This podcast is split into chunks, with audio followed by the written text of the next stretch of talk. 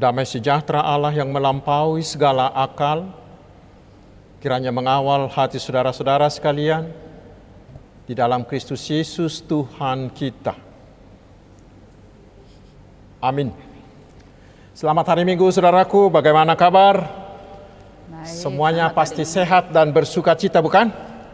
Dan hari ini Tuhan akan menyapa kita di Minggu Septuagesima ini, yaitu dari surat Yakobus, pasal yang pertama ayat 22 hingga ayat 25. Saya bacakan untuk kita, mari kita simak dengan baik-baik. Tetapi hendaklah kamu menjadi pelaku firman dan bukan hanya pendengar saja. Sebab jika tidak demikian, kamu menipu di- diri sendiri. Sebab jika so, sebab jika seorang hanya mendengar firman saja dan tidak melakukannya, ia adalah seumpama seorang yang sedang mengamat-amati mukanya yang sebenarnya di depan cermin. Baru saja ia memandang dirinya, ia sudah pergi atau ia segera lupa bagaimana rupanya. Tetapi barang siapa meneliti hukum yang sempurna, yaitu hukum yang memerdekakan orang dan ia bertekun di dalamnya, jadi bukan hanya mendengar untuk melupakannya, tetapi sungguh-sungguh melakukannya, ia akan berbahagia oleh perbuatannya. Demikian firman Tuhan. Saudara-saudaraku yang dikasihi Tuhan Yesus Kristus, kita tidak malu mengatakan bahwa masih ada, bahkan mungkin masih banyak orang Kristen yang hanya Kristen pendengar, belum sampai tahap melakukan atau mengamalkan. Itulah yang terjadi di jemaat penerima surat Yakobus ini. Rupanya ibadah mereka sangat meriah, tetapi hidup umatnya penuh dengan kekotoran, penuh dengan kejahatan. Karena mereka hanya mendengar, tetapi tidak melakukannya. Sebuah perbuatan yang sia-sia. Di Matius 7 ayat 26 dan seterusnya, Yesus menyebut orang-orang seperti ini sebagai orang bodoh. Diibaratkan dengan orang yang mendirikan rumahnya di atas pasir, tidak menggali lebih dalam sampai ke tanah yang keras karena dia malas. Lalu ketika hujan lebat datang, fondasinya tergerus arus dan rumahnya pun roboh karena fondasinya tidak kuat. Di ayat 22 dan seterusnya tadi, Yakobus menyebut mereka sebagai orang yang menipu dirinya sendiri. Dan itu sangat berbahaya. Coba bayangkan saudaraku, bila di wajahnya itu masih ada yang comeng-comeng atau rambutnya masih acak-acakan, lalu dia pergi ke pesta atau dia pergi ke gereja. Pasti orang-orang mengira dia sudah kurang waras, bukan? Itulah orang Kristen yang hanya rajin mendengar, tetapi malas atau enggan untuk melakukannya. Tetapi saudaraku di Matius 7 ayat 24 dan seterusnya, ada juga orang yang disebut Yesus sebagai orang Kristen yang bijak. Yaitu mereka yang membangun rumahnya di atas batu karang. Lalu ketika hujan dan badai datang, rumah itu bertahan. Mengapa? Karena fondasinya sangat kuat. Itulah orang Kristen yang mengantisipasi bahwa si iblis akan menyerang, akan mencobai imannya, lalu dia melatih dirinya, pasomal-somal dirina dengan terus berusaha melakukan setiap firman yang dia dengarkan. Itu yang membuat dia bertahan, itu yang membuat dia kuat dan tidak tergoyahkan sedikit pun. Saudaraku, coba kita simak sejarah sebentar. Apa yang membuat gereja Tuhan bertahan dan berkembang selama lebih kurang 2000 tahun ini? Mengapa orang-orang tertarik menjadi Kristen pengikut Yesus di jemaat mula-mula? Mungkin kita akan menjawab tentu karena kuasa Roh Kudus.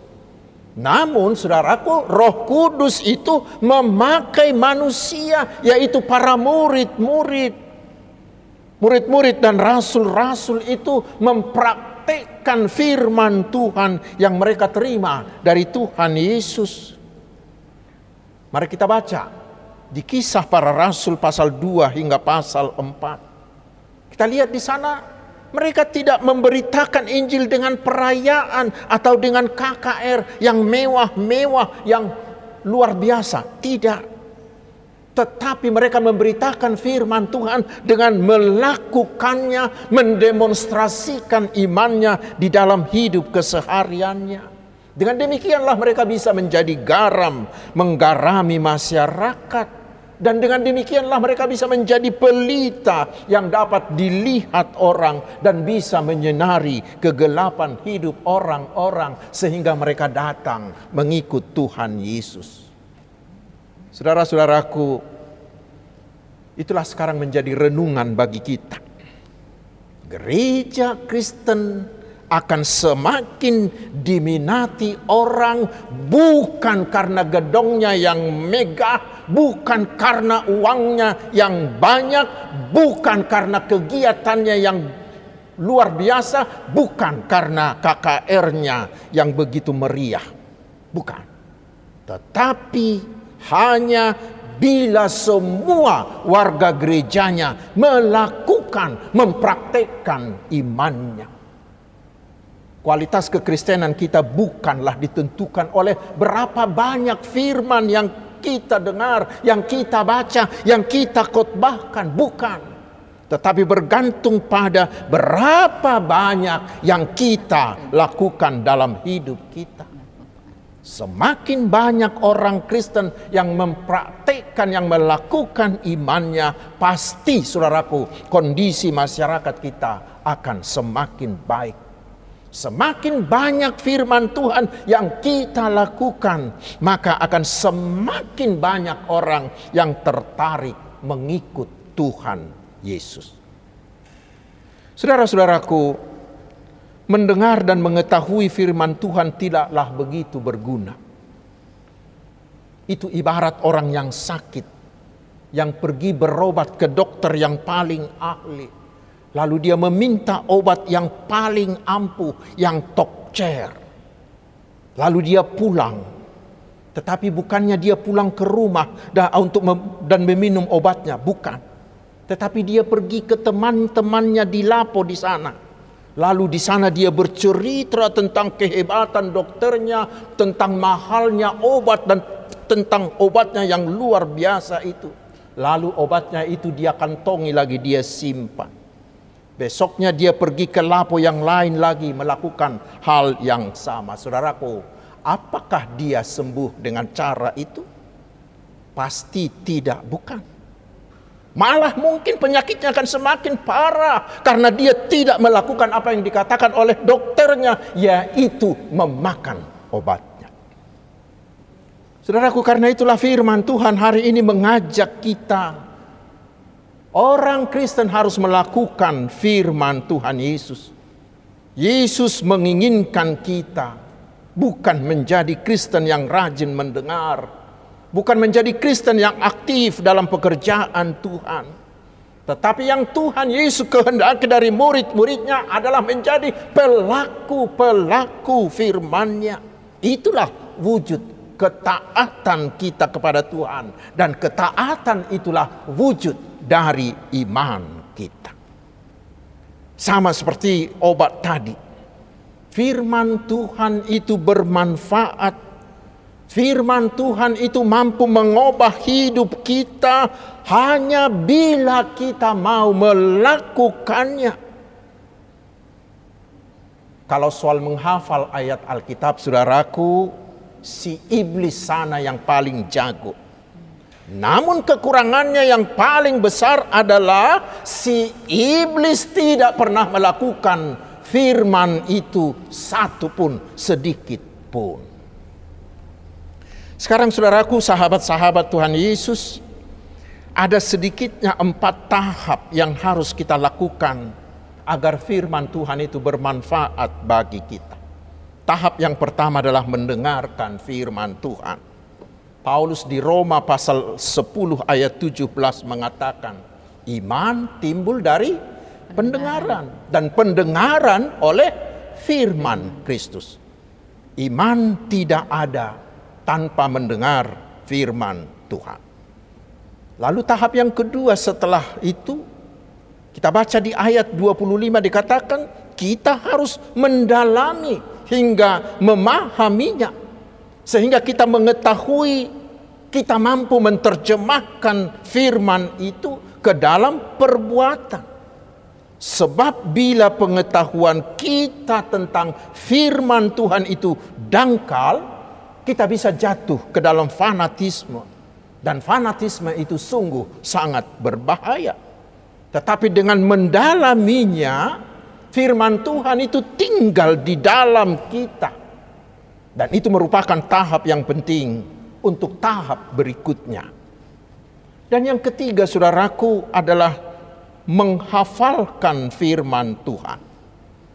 Menurut Bapak Rick Warren penulis terkenal itu, menghafal banyak ayat Alkitab akan membantu kita mengatasi pencobaan-pencobaan membantu kita mengambil keputusan-keputusan yang bijak, membantu kita mengurangi ketegangan, membantu kita membangun rasa percaya diri.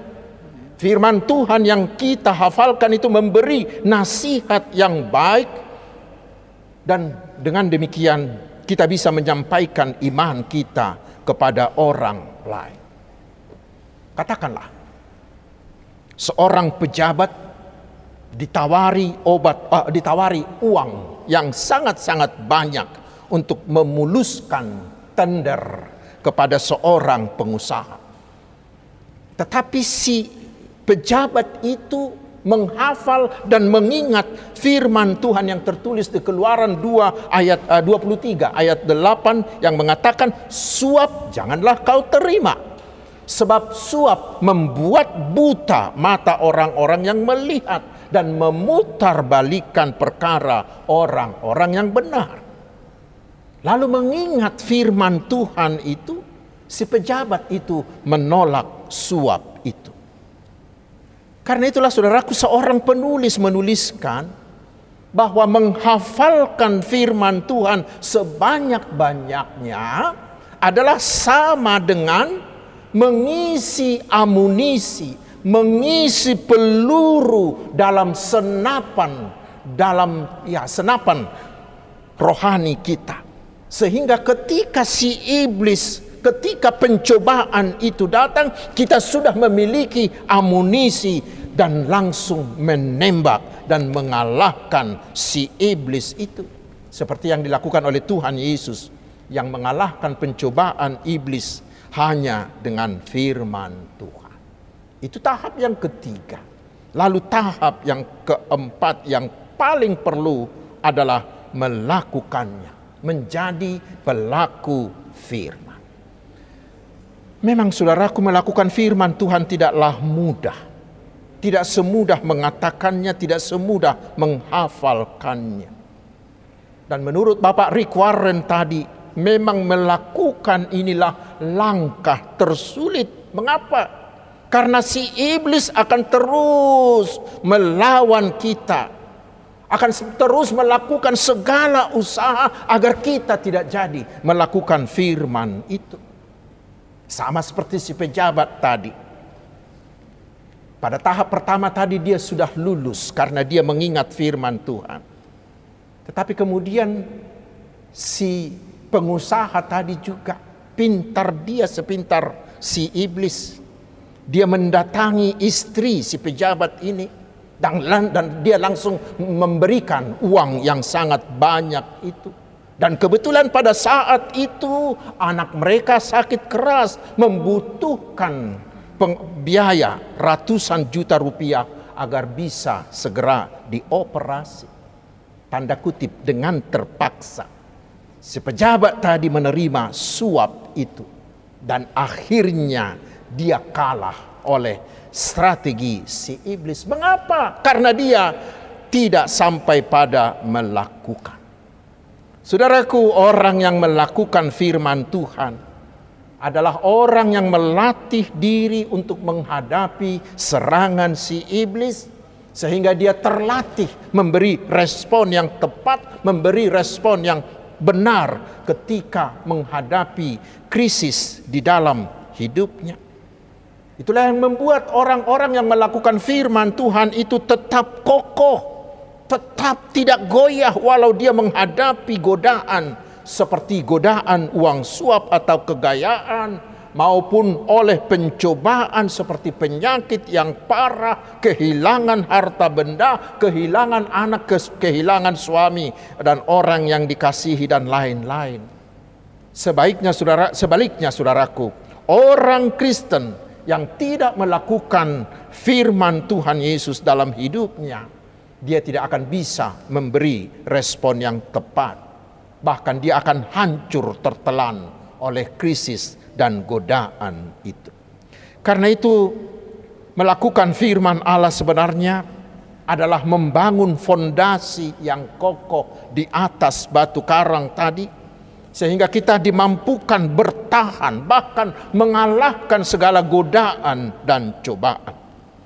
Karena itulah Tuhan Yesus mengatakan bahwa orang yang berbahagia adalah mereka yang bukan hanya mendengar, tetapi mereka yang mau juga melakukan firman Tuhan. Lukas 11 ayat 28 yang selalu kita dengar setiap kita membaca epistel. Lalu sekarang pertanyaannya adalah bagaimana cara agar lebih termotivasi untuk melakukan firman Tuhan. Alana torok bohalak madok aina mangulahoni donau mau dapat ditanami Tetapi Bapak Rick Warren tadi memberikan cara yang sederhana begini. Dia katakan, bila saudara datang ke gereja, bawalah notesmu, bukumu, bawa juga pulpenmu. Dan ketika saudara mendengarkan firman Tuhan, baik dari agenda, dari epistel, dari kor, terutama dari khotbah si pengkhotbah, Bila saudara dituntun oleh Roh Kudus untuk melakukan sesuatu dari semua firman itu, saudaraku, langsung tuliskan di bukumu itu. Tidak perlu banyak-banyak. Cukup satu saja dalam seminggu. Tuliskan, catat, beri tanda. Dan besoknya ketika saudara mau kerja atau mau pergi ke sekolah atau ketika doa pagi, baca catatanmu itu. Lalu mulailah berusaha melakukannya. Mulailah dari hal yang sederhana. Dan lakukan itu berulang-ulang sehingga menjadi kebiasaan. Dari kebiasaan itu kemudian menjadi karakter saudara. Artinya kapan pun, di mana pun, di situasi mana pun, saudara akan tetap melakukannya sedikit demi sedikit lama-lama menjadi bukit. Saudaraku, bila kita menginginkan negara Indonesia ini bebas dari korupsi dan adil dalam semua bidang, bila kita menginginkan negara kita menjadi negara yang sejahtera dan menjadi negara menjadi tempat yang aman, menjadi tem, menjadi, menjadi negara yang memiliki tingkat kebahagiaan yang tinggi. Salah satu kuncinya adalah semua orang Kristen di Indonesia ini harus mau menjadi pelaku-pelaku firman Tuhan. Mulailah dari diri sendiri. Jangan berharap dari orang lain. Mulailah dari diri sendiri. Kemudian itu akan menyebar itu akan menular. Kemudian kita akan memperluas lingkaran pengaruh kepada orang lain dan orang lain mau melakukannya. Memang itu tidaklah mudah. Tetapi bila kita mau membuka hati, membuka diri, membuka hidup kita bagi campur tangan Roh Kudus, yakinlah kita akan bisa menjadi pelaku-pelaku firman Tuhan. Dan mulailah itu dari hal-hal yang kecil dan dari hal yang sederhana. Tuhan Yesus menguatkan kita. Amin. Mari kita berdoa. Terima kasih atas firman-Mu ya Tuhan.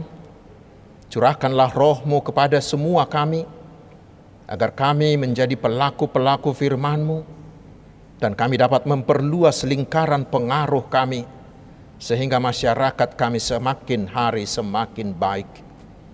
Ya Tuhan kami memohon, tetaplah berikan kami sukacita yang daripadamu dalam menjalani semua kehidupan ini, baik di keluarga, di pekerjaan, juga di sekolah atau di pelayanan, serta di seluruh aktivitas kami. Biarlah kehadiran kami di mana pun selalu membawa keceriaan, selalu membawa penguatan bagi semua orang. Ya Tuhan yang maha kuasa dan maha baik, berkatilah keluarga kami, berkatilah kesehatan kami, berkatilah pekerjaan, juga studi kami, juga pelayanan kami. Jagailah kami agar tetap sehat dan tetap jauh dari bahaya. Kami juga memohon, berkatilah gerejamu dan juga pelayanan semua hamba-hambamu, terutama usaha pekabaran Injil di mana pun. Berikanlah kemudahan, berikanlah pintu yang terbuka agar Injilmu semakin tersebar. Berkatilah bangsa dan negara kami dan semua warga masyarakat kami agar kami tetap bersatu membangun negeri ini. Terima kasih Bapak yang mulia, yang agung dan kekal, gunung batu dan andalan kami. Di dalam nama Tuhan Yesus Kristus. Amin.